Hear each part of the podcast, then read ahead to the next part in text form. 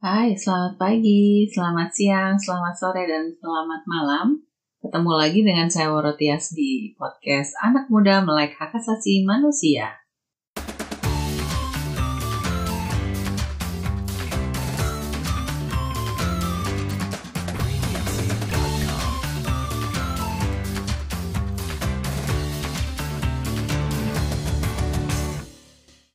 Hari ini adalah hari ketiga saya memenuhi tantangan thepodcasters.id yang sebenarnya ini membuat saya menjadi merasa muda kembali, terus belajar mengenai hak asasi manusia, kemudian belajar memproduksi dan akhirnya memutuskan untuk publish. Tema hari ini adalah mengenai keputusan. Dalam hidup, sering kita dihadapkan pada pilihan-pilihan yang mengharuskan kita membuat sebuah keputusan.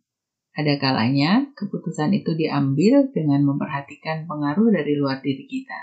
Dalam konteks yang lebih besar, dalam kehidupan berbangsa dan bernegara, Indonesia juga pasti membuat sebuah keputusan-keputusan sejak awal berdirinya negara ini. Keputusan pertama adalah saat memerdekakan diri dari penjajahan kolonial.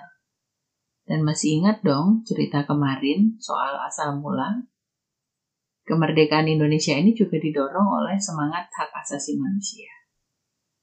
Kita balik lagi ke soal keputusan. Sebagai negara yang bergaul di dunia internasional dan sebagai salah satu anggota dari Perserikatan Bangsa-Bangsa, Indonesia wajib melakukan ratifikasi atau bahasa sederhananya adalah melakukan pengesahan dokumen mengenai Deklarasi Umum Hak Asasi Manusia.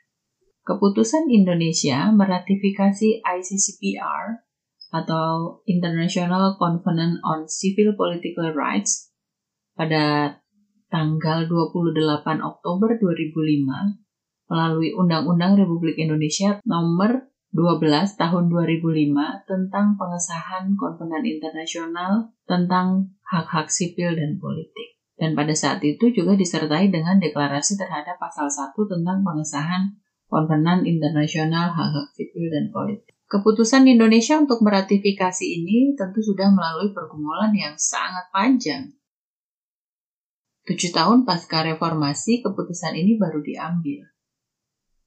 Tentu keputusan ini tidak lepas dari keinginan Indonesia menjadi negara yang maju. Karena salah satu indikator negara maju adalah memberikan penghormatan pada hak asasi manusia. Melalui instrumen konvenan internasional tentang hak sipil dan politik ini pasti ada niat yang sangat besar, saya yakin, dan keputusan yang bulat bahwa Indonesia akan menghormati hak asasi manusia. Jadi dalam konteks hidup kita sehari-hari, kalau saat ini kita sedang ada dalam persimpangan, jangan ragu untuk ambil keputusan. Pun jangan lupa mempertimbangkan akibat dari keputusan dan kemungkinan risiko-risiko yang akan terjadi. Kita kembali esok hari ya, masih bicara soal hak manusia. Karena anak muda melek HAM, siapa takut? Dan pasti keren.